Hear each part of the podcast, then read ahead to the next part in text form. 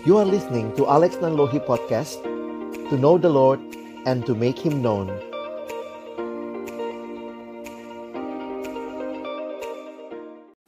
Kami datang dalam ucapan syukur pagi hari ini. Terima kasih Tuhan di hari perhentian yang kau berikan kepada kami. Kami boleh datang bersekutu, memuji, memuliakan namamu.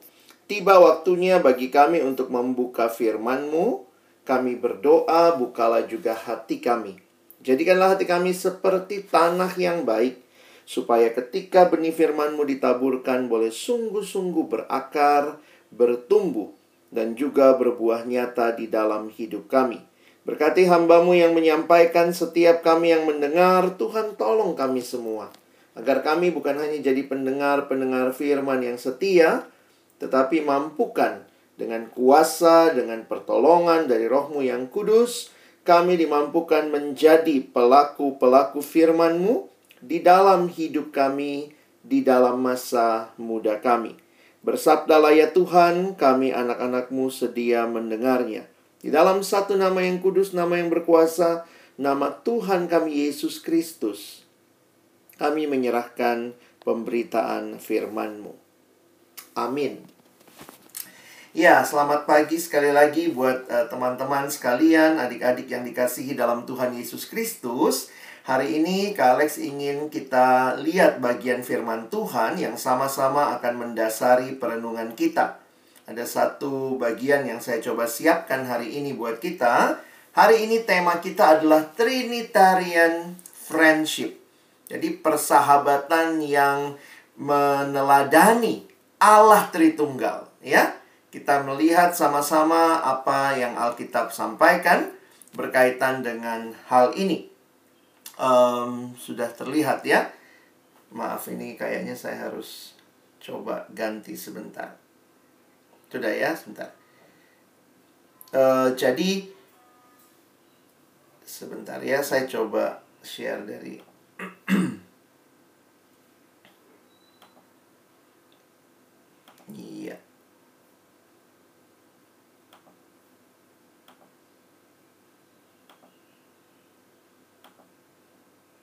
Oke.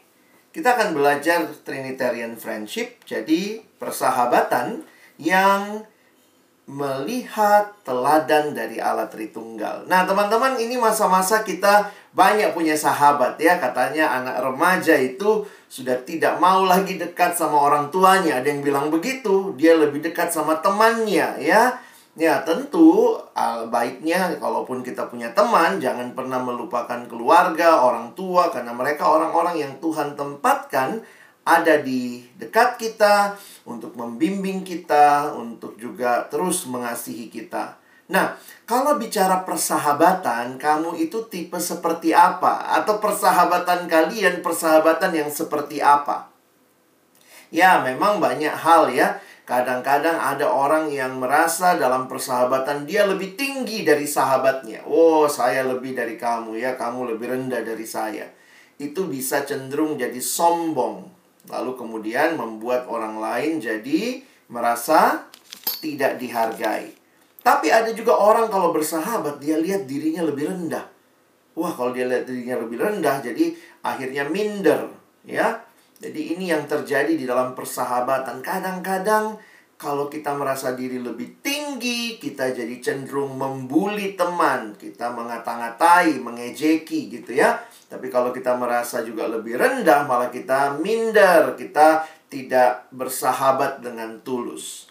Nah, saya tidak tahu teman-teman kalau kamu punya sahabat, kamu dalam persahabatan, persahabatan seperti apa yang teman-teman sedang alami? Ada juga yang mengatakan kalimat berikut ya, bisa lihat di slide-nya. We have three types of friendship in life ya. Kita punya tiga model persahabatan. Katanya yang pertama, friends for a reason. Jadi sahabat karena ada tujuannya, ada maunya ya. Lalu yang kedua, friends for a season. Seorang sahabat di dalam sebuah masa tertentu. Tetapi juga ada yang namanya friends for lifetime. Sahabat seumur hidup. Nah, kita tidak akan bicara lebih jauh tentang teori persahabatan, tapi kita lihat firman Tuhan sama-sama apa yang disampaikan Alkitab tentang persahabatan. Dan ini menarik karena ini adalah kalimat yang Tuhan Yesus sendiri sampaikan di dalam Injil Yohanes 15 ayat 9 sampai ayat yang ke-17. Ya, mari kita lihat sama-sama. Kak Alex akan bacakan buat kita sekalian mulai ayat 9. Seperti Bapa telah mengasihi aku, demikianlah juga aku telah mengasihi kamu. Tinggallah di dalam kasihku itu. Jikalau kamu menuruti perintah-perintahku, kamu akan tinggal di dalam kasihku, seperti aku menuruti perintah Bapakku dan tinggal di dalam kasihnya. Semuanya itu kukatakan kepadamu supaya sukacitaku ada di dalam kamu dan sukacitamu menjadi penuh. Inilah perintahku yaitu supaya kamu saling mengasihi sama uh, seperti aku telah mengasihi kamu. Tidak ada kasih yang lebih besar daripada kasih seorang yang memberikan nyawanya untuk, nah ini muncul ya, sahabat-sahabatnya. Kamu adalah sahabatku jikalau kamu berbuat apa yang kuperintahkan kepadamu. Aku tidak menyebut kamu lagi hamba, tetapi sebab hamba tidak tahu apa yang diperbuat oleh tuannya. Tetapi aku menyebut kamu sahabat, karena aku telah memberitahukan kepada kamu segala sesuatu yang telah kudengar dari Bapakku. Bukan kamu yang memilih aku, tetapi akulah yang memilih kamu. Dan aku telah menetapkan kamu supaya kamu pergi dan menghasilkan buah dan buahmu itu tetap supaya apa yang kamu minta kepada Bapa dalam namaku diberikannya kepadamu. Inilah perintahku kepadamu, kasihilah seorang akan yang lain. Sedemikian jauh pembacaan Alkitab, berbahagialah kita yang bukan hanya membacanya, tetapi juga merenungkannya, melakukannya dalam hidup kita, dan bahkan membagikannya. Nah, teman-teman yang dikasihi Tuhan, menarik sekali memperhatikan ajaran Yesus ini. Setelah Yesus menjelaskan tentang sahabat, lihat ayat 17 ya. Yesus memerintahkan, kasihilah seorang akan yang lain. Nah, Kak Alex ingin mengajak kita lihat dulu dari banyak definisi persahabatan. Salah satu yang saya suka adalah definisi ini. Sahabat adalah orang yang mengetahui hal yang paling buruk tentang dirimu, namun masih tetap mengasihi engkau sebagaimana adanya. Wah, ini sebuah definisi yang unik sekali. Kalau kita perhatikan, waktu tadi Yesus mengajar kepada muridnya, Kak Alex ingin kita lihat ayat sembilannya ya. Coba lihat ayat sembilannya. Saya mau fokus saja di ayat ini. Seperti Bapa telah mengasihi aku, ini Yesus bilang begitu ya, seperti Bapa telah mengasihi Yesus ya, mengasihi aku, demikianlah juga aku Yesus telah mengasihi kamu. Tinggallah di dalam kasihku itu. Nah, kasih Yesus dengan Bapa ini alat Tritunggal ya. Apa yang bisa kita teladani? Adalah kasih persahabatan yang setara. Karena kalau kita perhatikan ketika Bapa mengasihi Yesus, bukan berarti Yesus lebih rendah, tidak. Yang tidak membuat anak menjadi hamba pada Bapa. Jadi ini kasih yang setara, ini bisa kita teladani. Dan kasih yang tak memiliki rahasia di antaranya. Kasih inilah yang kemudian Tuhan Yesus tawarkan kepada murid-muridnya. Tawaran Yesus adalah supaya kita murid-muridnya ya tinggal di dalam kasih itu. Wah, memang teman-teman yang dikasihi Tuhan belajar dari ayat-ayat yang kita baca tadi, apa yang Yesus minta, dia minta di dalam kaitan dengan Bapaknya. Ya, kalau kita lihat ya, seperti Bapa mengasihi aku, jadi kita pun mengasihi sesama seperti Yesus dikasihi Bapaknya. Nah, itu yang Kak Alex tulis di sini ya. Yesus dikasihi Bapaknya itu kasih yang setara. Yesus dan Bapa tidak kemudian yang satu lebih tinggi dari yang lain. Allah Tritunggal itu di dalam kesatuannya, di dalam kekekalan adalah setara Bapa, Anak, dan Roh Kudus. Dan persahabatan seperti ini yang Tuhan mau. Demikian juga nanti ada tentang kasih yang tak memiliki rahasia. Nanti kita lihat lagi ayatnya ya. Coba kita lihat di ayat 14. Kamu adalah sahabatku, kata Yesus. Jikalau kamu berbuat apa yang kuperintahkan kepadamu. Jadi sahabat juga berkaitan dengan ketaatan ya. Kamu berbuat apa yang kuperintahkan. Nah makanya sahabat kalau taat. kalau nggak taat ya jangan bilang sahabat. Itu namanya musuh ya. Ayat 15. Aku tidak menyebut kamu lagi hamba. Kenapa? Kalau hamba itu nggak setara sama tuannya ya. Makanya ada rahasia. Tetapi aku menyebut kamu sahabat kata Yesus karena aku telah memberitahukan kepada kamu segala sesuatu yang telah kudengar dari Bapakku. Jadi menarik sekali Tuhan Yesus sendiri memberikan teladan persahabatan. Dan kalau perhatikan bahwa dia katakan kasih yang besar adalah kasih seorang sahabat yang memberikan nyawanya untuk sahabatnya. Dan itu bukan hanya dia bicarakan, tetapi Yesus sendiri telah lakukan. Dia telah melakukan itu di kayu salib bagi kita. Sehingga kita sekarang yang mau menjadi sahabat, mari belajar dari Yesus. Dialah sahabat sejati. Waktu saudara dan saya, adik-adik kenal Yesus dari masa mudamu, kamu mengenal dia, kamu pun akhirnya belajar jadi sahabat buat orang lain. Sudah bersahabat nggak sama Yesus ya? Yesus nggak punya Facebook ya? Punyanya katanya Facebook. ya, Kak Alex lihat ada yang bikin seperti ini ya. Sahabat sejati. Memang sahabat manusia bisa mengecewakan kita. Tapi sahabat sejati, Yesus tidak mengecewakan kita. Nanti cari di face, Facebook ya katanya ya. Tuhan Yesus sudah kirim friend request sama kamu ya. You have a friend request, Lord Jesus Christ. Nah, jadi kalau kita belajar persahabatan dari Bapa dan anak, dari Yesus, maka kita sekarang ada di sebuah bangsa. Ya, kita sadar betul di Indonesia ini kita ada di bangsa yang beragam Salah satunya kalau kalian di Sorowako, walaupun mungkin itu jauh dari kota besar ya, tetapi kan kalian ada di sebuah tempat di mana begitu banyak juga orang-orang yang datang dari berbagai tempat di Indonesia. Mungkin papa mamamu juga dari berbagai latar belakang suku. Nah, ini menjadi satu hal yang potensial ya. Kita harusnya belajar jadi sahabat ya. Belajar jadi sahabat satu sama lain. Jangan hidup dengan stereotyping. Kadang-kadang stereotyping itu di, di pikiran kita. Ai, kalau orang misalnya apa ya? Saya orang Ambon ya. Oh, orang Ambon itu sukanya pesta-pesta. Itu namanya stereotyping. Kita kasih label sama orang. Kita memandang rendah orang lain. Wah, kalau dia orang Jawa, aduh, slow, lambat gitu ya. Aduh, kalau dia orang Batak, misalnya apa? Kalau dia orang Toraja, kalau dia orang Makassar, kalau dia orang Cina. Kadang-kadang kita tanpa sadar memandang diri lebih tinggi dari orang lain. Memandang suku kita lebih baik dari suku lain. Mau bicara yang suka pesta bukan cuma di orang Ambon, ada juga yang orang Jawa suka pesta, ada juga orang Cina suka pesta. Jadi itu bukan masalah suku ya.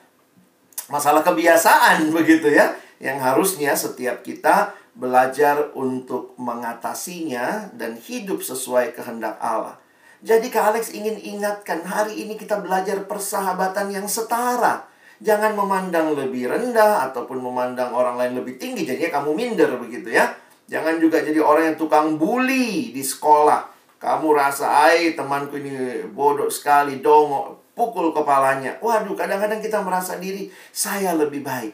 Belajar dari kasih yang hari ini. Ketika Tuhan Yesus mengasihi kita, dia mengasihi kita dengan memberikan yang terbaik.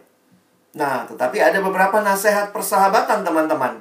Apa saja nasihat persahabatan? Hati-hati di dalam persahabatan juga carilah sahabat yang baik.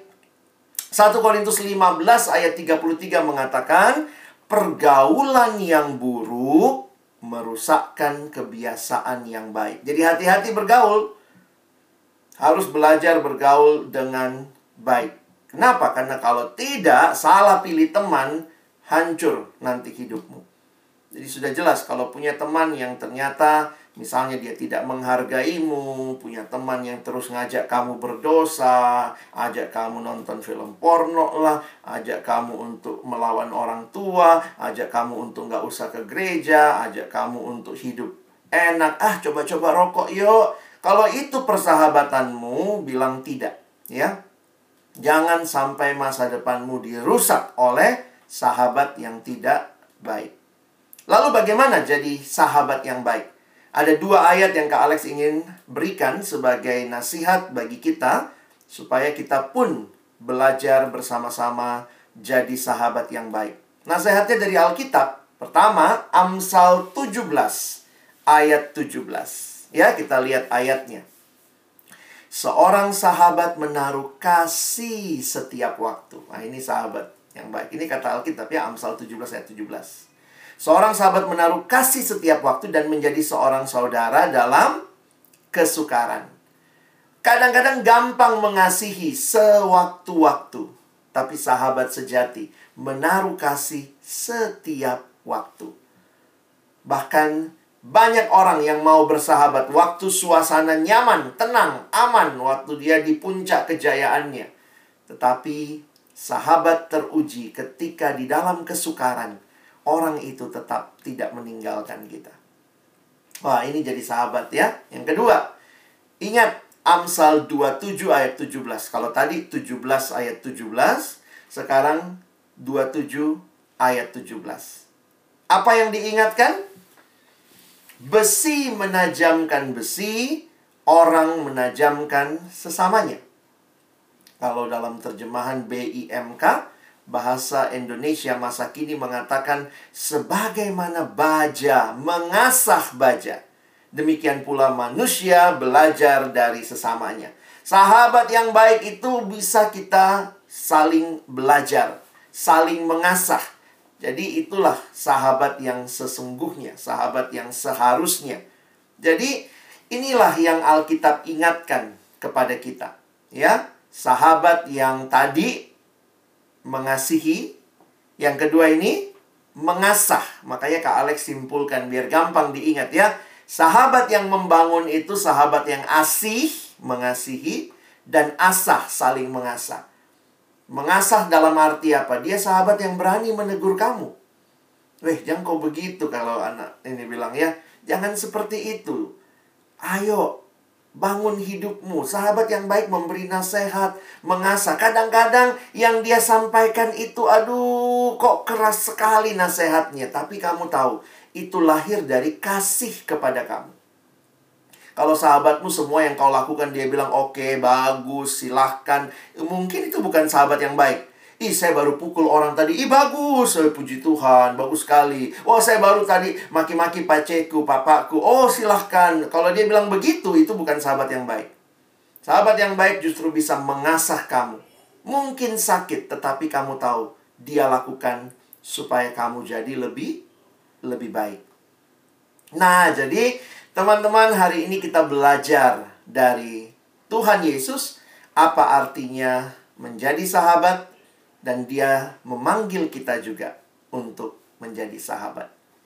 Kadang-kadang orang suka tanya, ya, satu waktu Kak Alex ada yang datang lalu bilang gini, Kak, bagaimana cari sahabat, Kak? Susah sekali. Saya cari-cari di mana-mana, kok saya nggak dapat sahabat? Lalu itu yang jadi dia tanya ya, gimana Kak caranya cari sahabat? Tapi kemudian saya bilang sama dia, ada sebuah pepatah yang pernah saya baca, kalimatnya begini.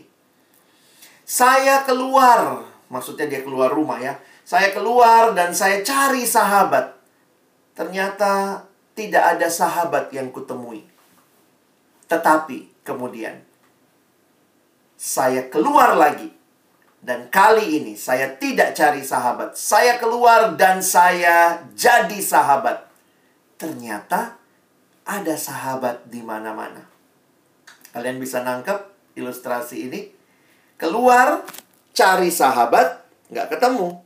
Tetapi waktu keluar, kamu jadi sahabat. Ternyata kamu menemukan ada sahabat di mana-mana. Jadi ini jadi satu hal yang penting buat kita. Jangan cuma menuntut orang lain untuk menjadi sahabat kita. Kita cari sahabat. tetapi marilah kita belajar jadi sahabat buat sesama kita. Kiranya Tuhan menolong kita bukan hanya dengar firman hari ini, tapi coba kita sama-sama belajar jadi sahabat yang baik buat orang-orang di sekitar kita. Amin.